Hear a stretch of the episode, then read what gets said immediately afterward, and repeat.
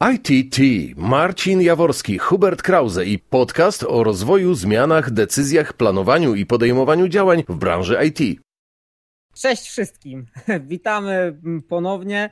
Dzisiaj na części drugiej będziemy rozmawiali ponownie z Sławkiem Urbą. Cześć Sławku ponownie. Cześć, cześć, witam.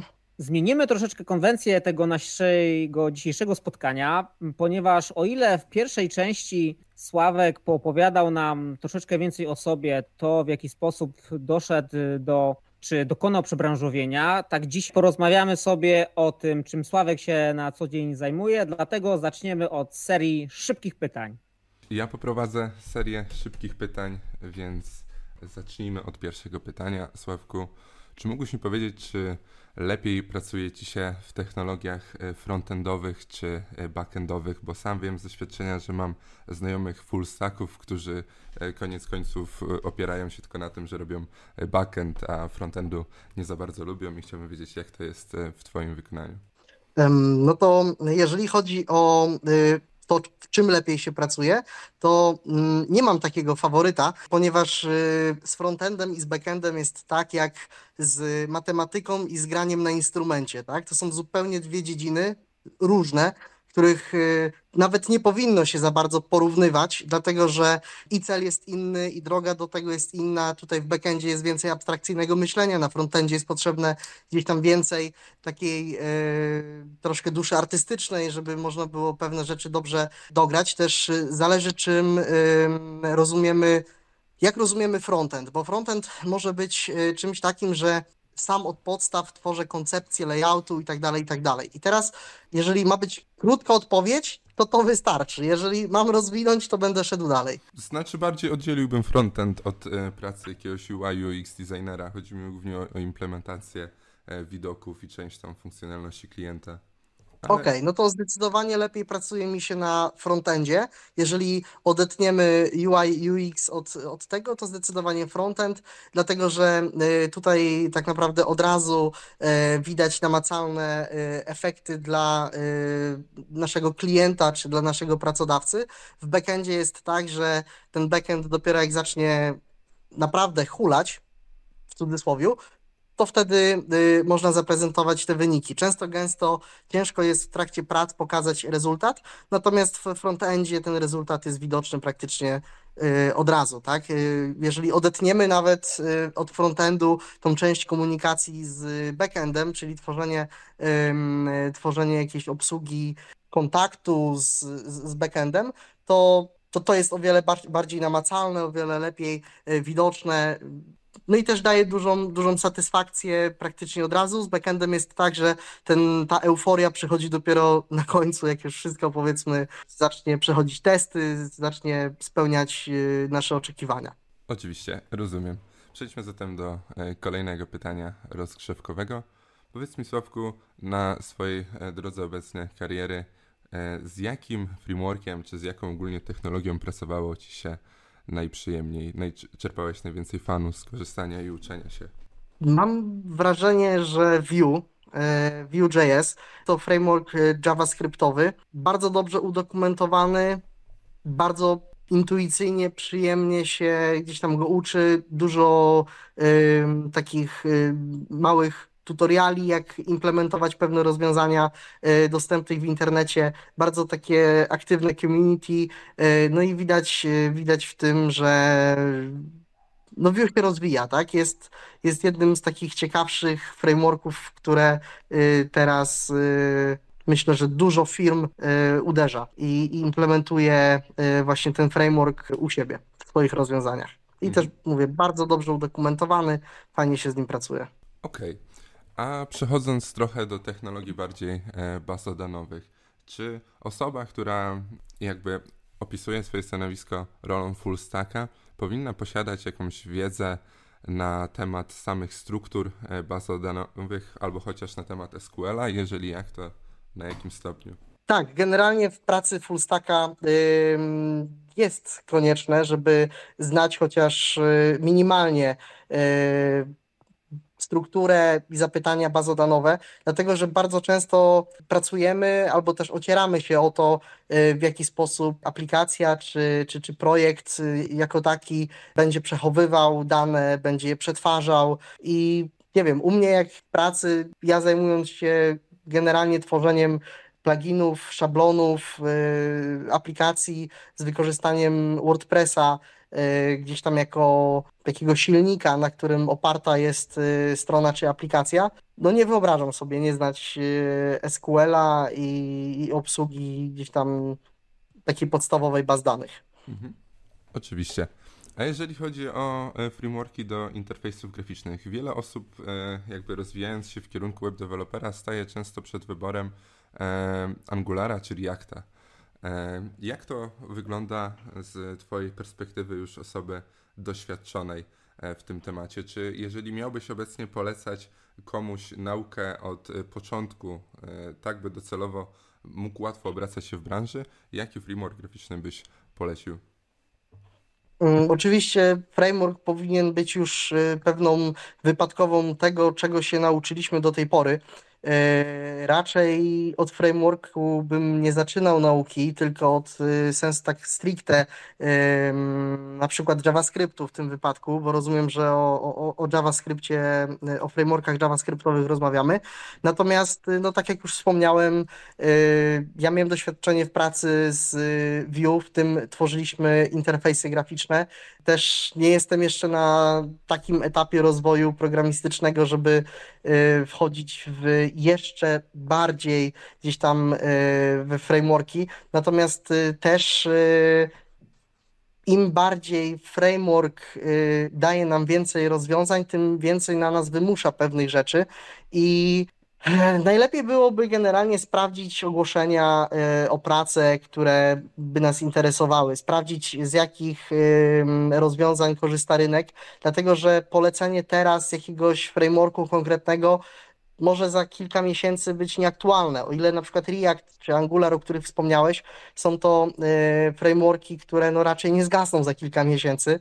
Natomiast React, co do zasady, jak rozmawiam z ludźmi z branży, bardzo mocno i fajnie się rozwija. Angular, no to bardziej korporacje większe, tak? Raczej nie słyszałem, żeby jakiś startup, jakaś firma taka powiedzmy mniejsza bądź taka y, no, zatrudniająca powiedzmy poniżej 50 osób szła jakoś mocno w Angulara.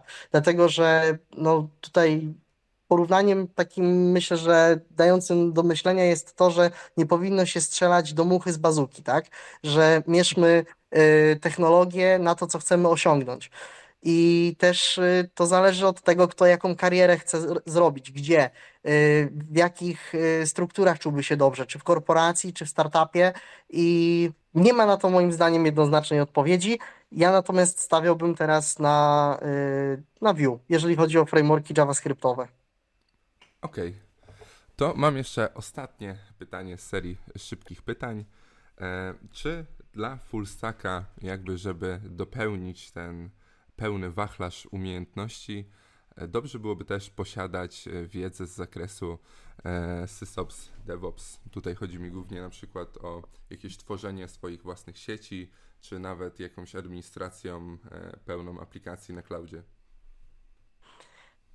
Generalnie tak, natomiast jest to na tyle szeroki obszar wiedzy, w której musiałby się taki full stack odnaleźć, że bardzo dużo czasu trzeba na to poświęcić, tak? Jeżeli chodzi o podstawy, no to oczywiście warto znać podstawy wszystkiego. Tak samo jak pytałeś przed chwilą o struktury i zapytania bazodanowe. Czy warto? No warto. Czy to jest niezbędne?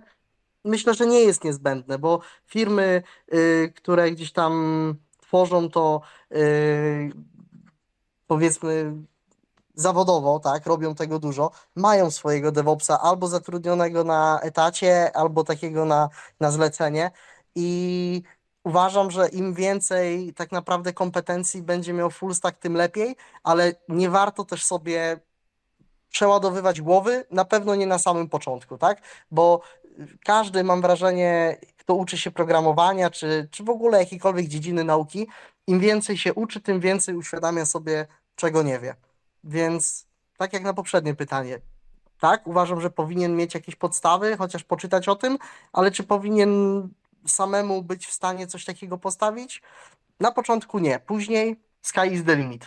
Okej, bo tu też trochę chodziło mi o to, że e, jest taki trend na rynku, gdzie coraz więcej ofert na web dewelopera wymaga często czy jakiejś certyfikacji z podstaw e, cloudowych danego clouda, czy choćby jakiegoś podstawowego doświadczenia. I jakby moim pytaniem tu nie byłoby to, czy dla osoby, która zaczyna, czy jest to jakby wymagane, czy jakby bez żadnej wiedzy cloudowej jesteśmy w stanie znaleźć obecnie e, jakieś miejsce pracy dla, jako web developer?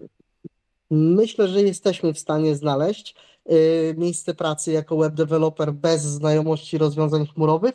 Natomiast y, jeżeli byśmy chcieli iść dalej w karierze, to tak jak wspomniałeś, będzie to bardzo ciężkie, żeby y, znaleźć rozwijającą, dobrze płatną i fajną pracę bez, bez takich umiejętności. Dziękuję bardzo za odpowiedź na serię szybkich pytań. Oddaję głos do Marcina. Dobra, no to rzeczywiście e, poruszyliście kilka ciekawych obszarów i do końca nie zdradziliśmy, czym ty się, Sławku, tak naprawdę zajmujesz jako full stack web developer, więc gdybyś mógł teraz odpowiedzieć właśnie na to kluczowe pytanie, e, czym się zajmujesz, na czym polega twoja praca, jakie masz te główne takie obszary ekspertyzy w swojej, swojej pracy zawodowej? No to zacznę od tego, y, czym zajmuje się moja firma, w której pracuję. Jest to przede wszystkim obszar tworzenia stron internetowych y, dla małych i średnich firm, dla y, freelancerów też i wykorzystujemy do tego silnik WordPressa, tak jak wspomniałem wcześniej. I moja praca polega na tym, żeby umożliwić grafikom którzy u nas w firmie tworzą strony internetowe na y, builderze dość, y, dość nowym, dość y, prężnie rozwijającym się o nazwie Breakdance. Breakdance udostępnił nam możliwość, której szukaliśmy już od dość dawna, mianowicie w jaki sposób oddać klientowi dobrą stronę, z dobrą, powiedzmy, strukturą, dobrze zbudowaną, bezpieczną, e, spełniającą wszystkie standardy, e, znaczy wszystkie, większość standardów SEO oraz e, spełniające, zdające speed testy. I moja praca polega na tym, żeby tworzyć dla grafików narzędzia, takie klocki, z których mogliby skorzystać przy tworzeniu strony internetowej. Przykładowo, jeżeli pojawi się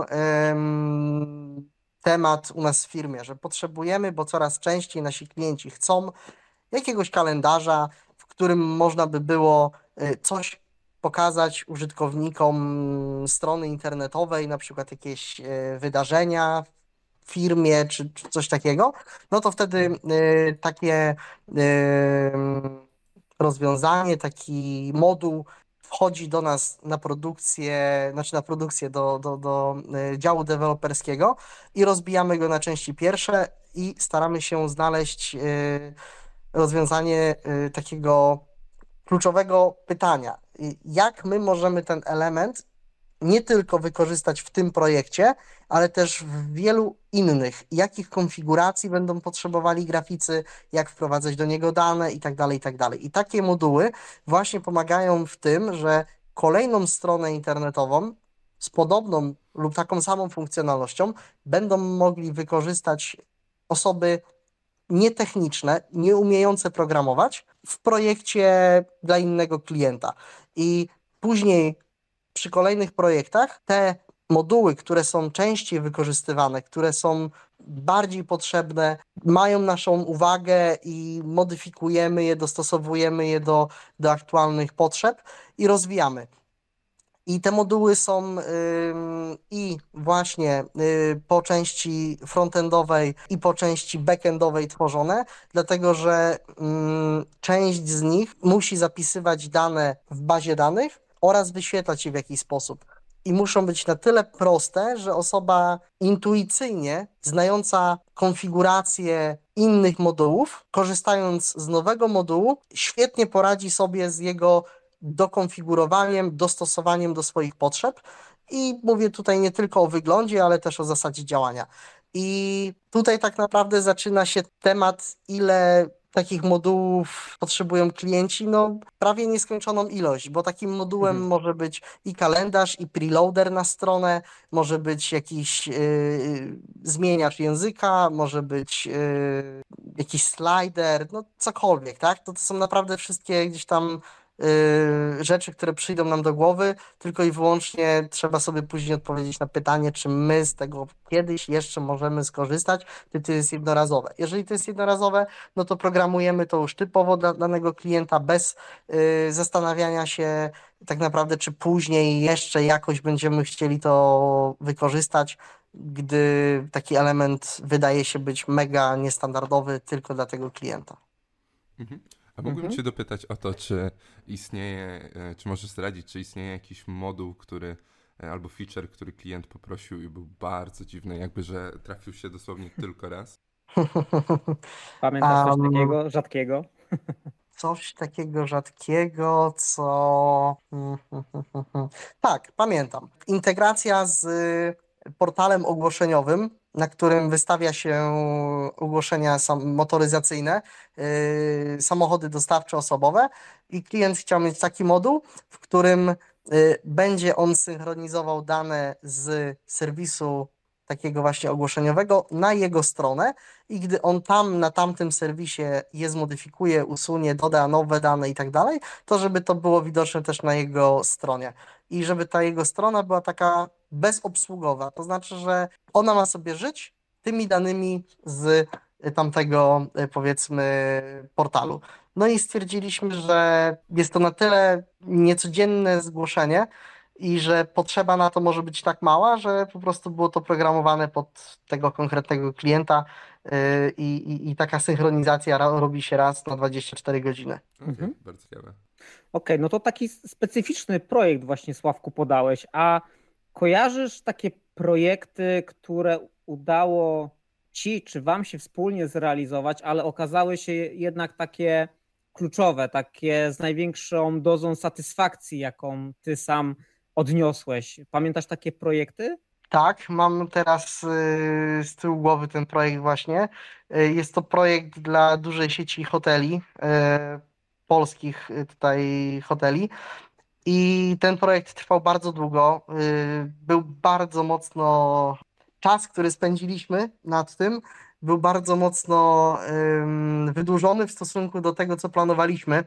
Yy, Mhm. I na samym początku użyliśmy technologii tak bardzo niestandardowej i, i powiedzmy dostosowanej do tego klienta, że później troszkę się w tym zakopaliśmy i trzeba było pewne rzeczy jeszcze raz y, programować, jeszcze raz pisać, żeby to było takie, y, my to nazywamy legitne, tak? To zgodne z jakąś sztuką programowania, żeby nie było później tak, że ktoś siądzie do tego projektu po latach i się przestraszy, co, co, co się tam dzieje. I ym, później, jak już ten projekt się skończył, no to była taka dość duża euforia, jeden z większych klientów i, i fajnie ten projekt wyszedł. Mhm. Super, to w takim razie od razu mi się rodzi pytanie, dlaczego proces planowania poszedł tak źle? W sensie, czy klient po prostu dokładał dodatkowe feature'y i dlatego ten projekt tak się wydłużył, czy jakby co było powodem tego, jak to ująłeś, gdzieś tam zamieszania, niezamieszania z tym związanego? Mm, Myślę, że tutaj e, mm, taką analizę przeprowadziliśmy już e, gdzieś tam wewnętrznie, co można robić e, w przyszłości. Pojawiło się bardzo dużo błędów przy, przy tym projekcie. Przede wszystkim to, że podczas projektu, był projekt zaplanowany na wiele miesięcy. Tam było bardzo dużo modułów rezerwacji, modułów integracji też z innymi systemami. E, Dużo API. bardzo skomplikowany, tak, z API, no, z innym API. Mhm. Y, I na przestrzeni projektu zmieniali się w tym projekcie programiści, zmieniali się ludzie i po naszej stronie, i po stronie klienta. Y, Też y, plan projektu na samym początku nie zakładał wielu rzeczy, które później okazało się, że muszą w tym projekcie być. I myślę, że dużo takich y, problemów wyniknęło, dlatego że pan nie pytał, pani nie powiedziała. Na zasadzie Mhm. ja myślałam, że ja myślałem, że już w tym projekcie to już będzie, nie? Że jak tego nie ma w umowie, To nie jest tak, że my tego nie robimy, tylko że no kurczę, no powinno to być, nie? Na przykład mówimy tutaj o jakichś na przykład wersjach językowych, nie? Że dla klienta to było tam, że tylko flagę wstawić. Okazuje się, że dla, dla dużej strony, żeby ta y, wersja językowa dobrze działała jeszcze z różnymi integracjami, no to to już jest problem. Dużo niestandardowych y, frontendowych rozwiązań, no na projekcie się bardzo dużo nauczyliśmy, ale też no, zostawił po sobie taką pewną e, refleksję, jak należy w przyszłości postępować z takimi projektami i że czasami warto do projektu zatrudnić jednego bardzo dobrze gdzieś tam znającego y, technologię dewelopera niż trzech, którzy sobie tak średnio radzą, nie? Średnio mam Mhm. na myśli, no tak w okolice juniora. I później się okazuje, że tych godzin przepalonych na to było bardzo, bardzo dużo, a można było to zrobić o wiele taniej, szybciej, no nie wiem czy lepiej, na pewno lepiej, ale że ten projekt mógł być zrobiony inaczej, na pewno. Mhm. Super, fajnie, bo tutaj dzielisz się z nami od razu tak naprawdę takiego, takimi lessons learned z, projektu, bo oprócz tego, że mm, realizacja okazała się sukcesem, bo o ile dobrze Sławku pamiętam, to jest chyba ta strona, którą mi pokazywałeś, prawda? Mm, Nie pamiętam, jaką ci Hotele. pokazywałem, ale myślę, że tak. Okej, to jeżeli dobrze kojarzę, a wydaje mi się, że tak, bo właśnie pokazywałeś mi jakąś stronę z hotelami, no to rzeczywiście realizacja y, super na najwyższym ym, poziomie i fajnie też mieć właśnie takie wnioski po realizacji tak dużego projektu. A powiedz proszę, czy jeszcze kojarzysz jakiś taki projekt, z którego jesteś wybitnie dumny? Jest taki projekt w sumie w, w moim portfolio, który, który też bardzo często pokazuję jako przykładową realizację, jeżeli się ktoś pyta. Mhm. Y, I jest to projekt dla firmy, która y, tworzy dedykowane rozwiązania y, i CRM, i też takie dedykowane no, dla firm mniejszych i, i, i średnich, jeżeli chodzi o ogarnianie firmy. I oni takie programy tworzą, a my zrobiliśmy dla nich stronę internetową. I na tej stronie y, mam wrażenie, że dużym sukcesem było to, że bardzo, bardzo doświadczony grafik y, z naprawdę niesamowitymi umiejętnościami, które jak widzę jego projekty, to zawsze mam takie wow, y, ale ładne.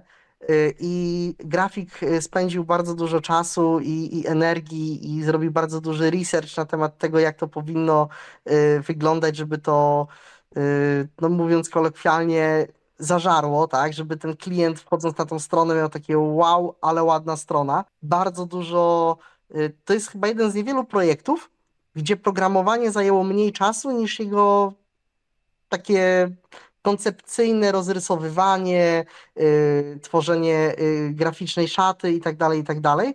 I no to jak teraz ta strona wygląda, no to jak ktoś wchodzi na nią, to ma takie no, strona godna y, XXI wieku. Mhm. I też ym, na przykład y, w tym projekcie ym, okazało się, że klient opatrznie zrozumiał słowo ilość podstron, ponieważ no, my rozumiemy ilość podstron jako y, tworzenie y, treści, kon konkretne podstrony. A dla klienta to było tak, że on Mhm. jeżeli sobie, jeżeli sobie tą stronę y, już raz zrobimy, to później jej kopiuj, wklej i wymiana treści, to już jest zupełnie coś innego. No i później się okazało, że tych treści tam było niesamowicie dużo i no kolejny raz to wszystko się sprowadza do tego, że bardzo ważne jest na samym początku, jak się z klientem ten projekt omówi, y, żeby nasze oczekiwania spotkały się z jego oczekiwaniami. Mhm. I myślę, że myślę, że tutaj ten projekt, y, no jego programowanie samo w sobie było bardzo takie przyjemne, bo ja wiedziałem, że każdy z tych elementów, które są zaprojektowane, tam widać było taką taki pierwiastek planowania, że kurczę, no te piksele, to te, te odstępy, Wszystko się te- zgadza. wszystko się zgadza, to że programujesz i to samo idzie, nie? Że nie ma czegoś takiego, Okej. że jest ten layout, ale tak zostawia tam pewną dozę dla programisty. Tam to wszystko było tak, że no złote proporcje po prostu, złote proporcje. Okej, czy sama przyjemność po prostu z realizacji takiego projektu? Dokładnie. stworzenia Okej. komponentów do niego, nie? Czyli na przykład Mhm, jakieś tak, tam tak, tak. y, przyciski funkcyjne, y, układ treści i tak dalej, bo y, takie bardziej skomplikowane layouty też wdraża programista, y, jeżeli e, mamy taką sytuację, że na, no bo właśnie, jest też, y, jak, jak się tworzy projekty na builderach, jakichkolwiek, to często odchodzi się od takiego projektu graficznego sensu stricte, na Figmie, na jakimś programie graficznym, czy w Adobe XD, wszystko jedno. Po prostu zaczyna się robić i no wizualnie widzisz, w jaką to stronę idzie.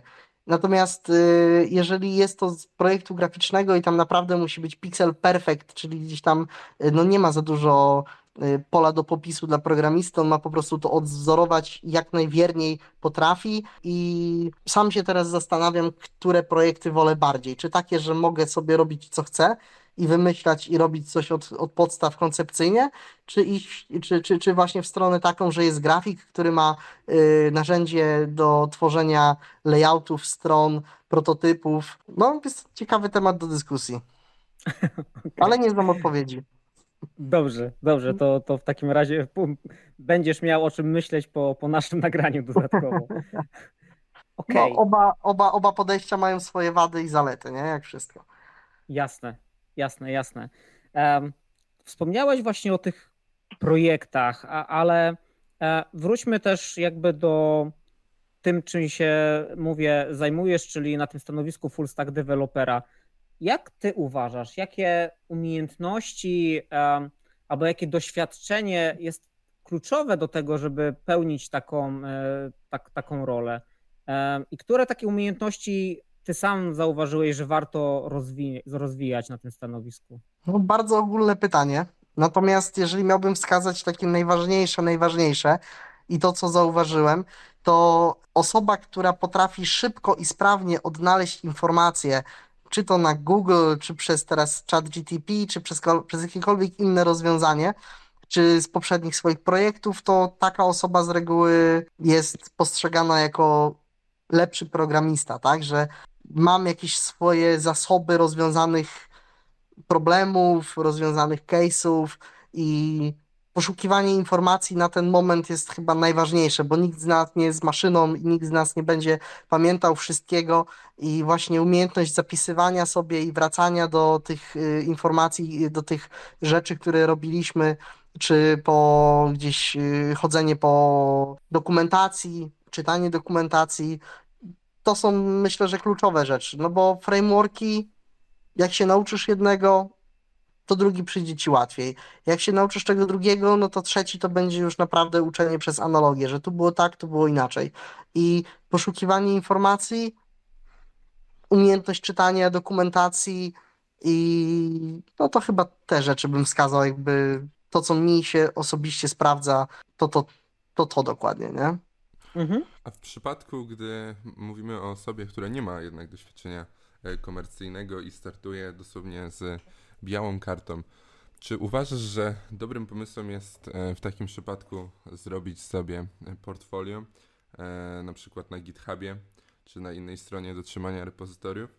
I jak powinno wyglądać idealne repozytorium, idealny GitHub takiego full stacka, żeby dostać taką pierwszą pracę?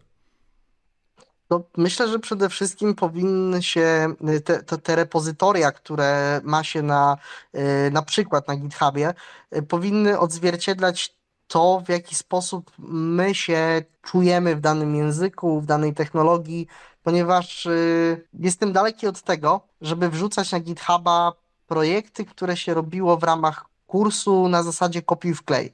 Jeżeli robiło się projekt w ramach jakiegoś kursu czy szkolenia, który pozostawiał uczącemu się bardzo duże pole do popisu, na zasadzie, że zrób kalkulator, zrób y, zegar, zrób cokolwiek, ale nie ma powiedzmy później y, filmiku, jak to zrobić, albo no, zrobiło się to naprawdę samemu, to, to takie projekty bym wrzucał, takie, które wymagały od y, uczącego się y, nie tylko umiejętności przepisywania kodu z jednego miejsca do drugiego, bo to nigdy się nam nie, nie, nie przyda tak sensu stricte, no chyba, że będziemy szli- w copy-paste programming, tak, czyli kopiuj wklej rozwiązania, ale to się bardzo szybko y, kończy i szybko to się weryfikuje, czy człowiek rozumie to, co pisze.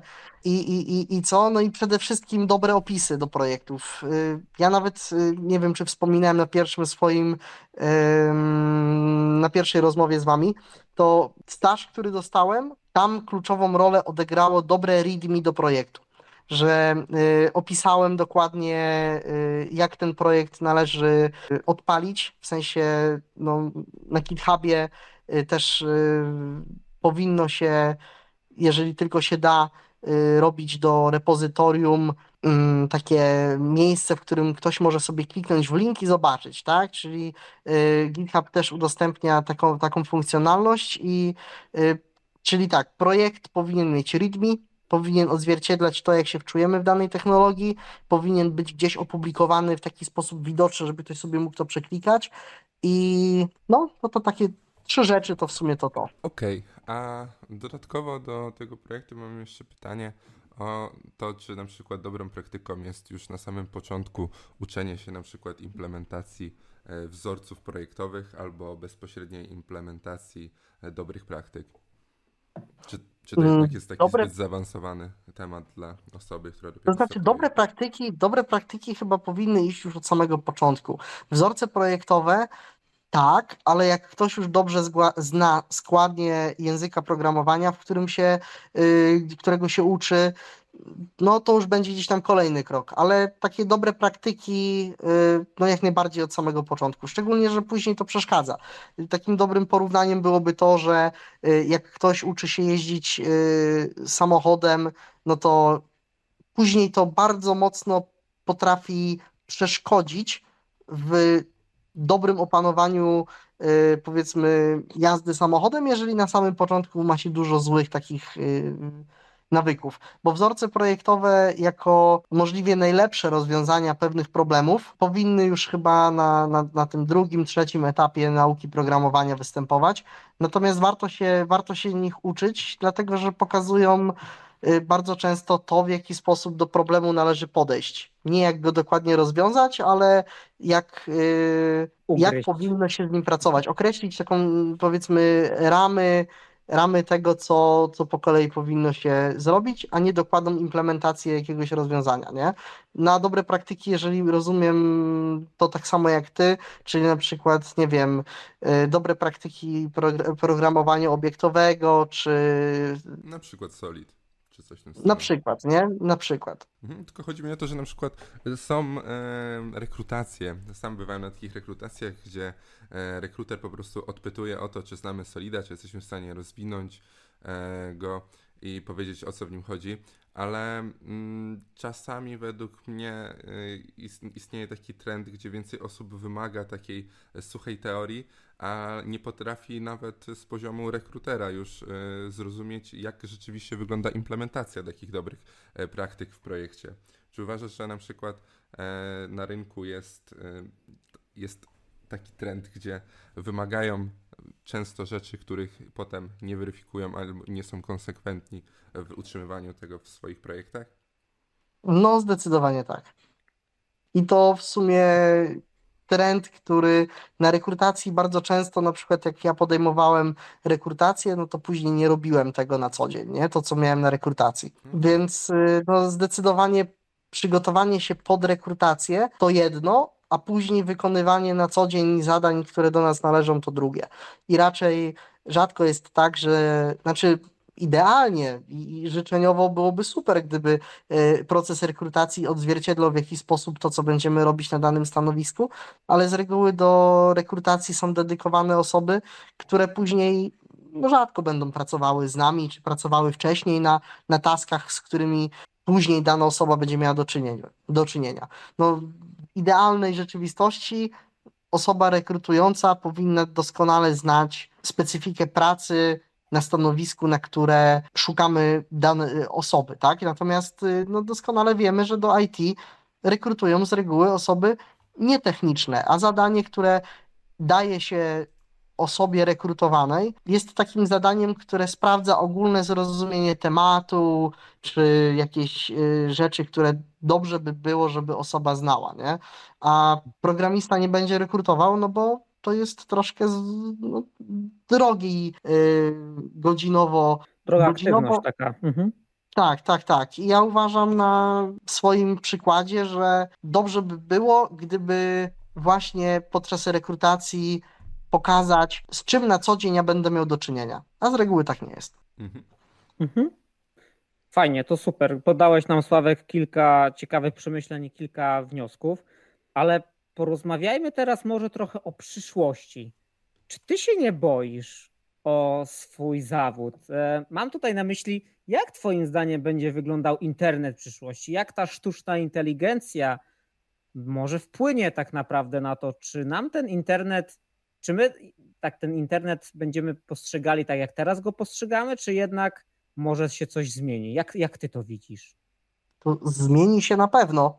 E, żeby przewidywać przyszłość, e, można by było się cofnąć e, w czasie o 20-30 lat i zobaczyć, jak internet wyglądał kiedyś.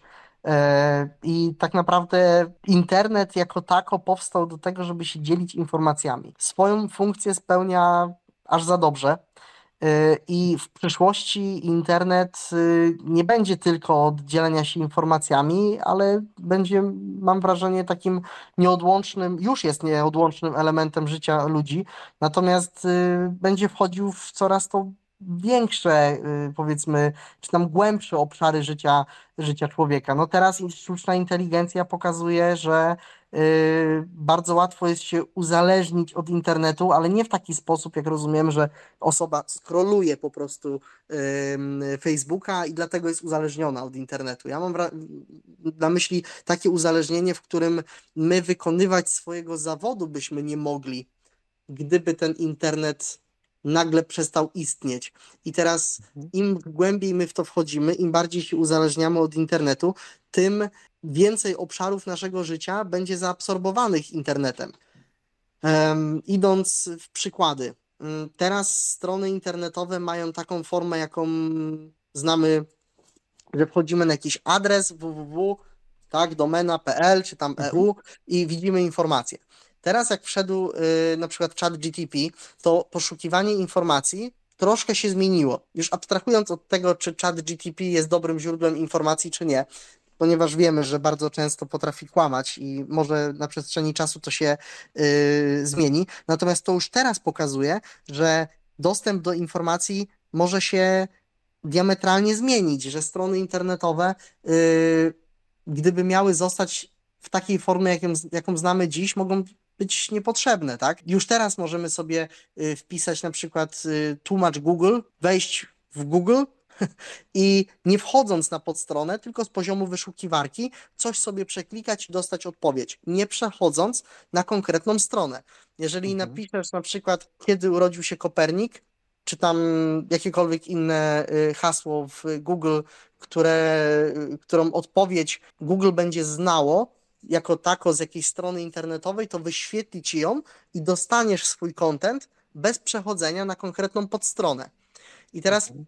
pytanie dalej, w jaki sposób reklamy, które utrzymują tak naprawdę cały ten interne, internet, często gęsto content, który mamy za darmo, jest tylko pseudo za darmo, bo nasze wyświetlenia reklam, y, czy też sponsorzy y, dają pieniądze na to, żeby to mogło być za darmo.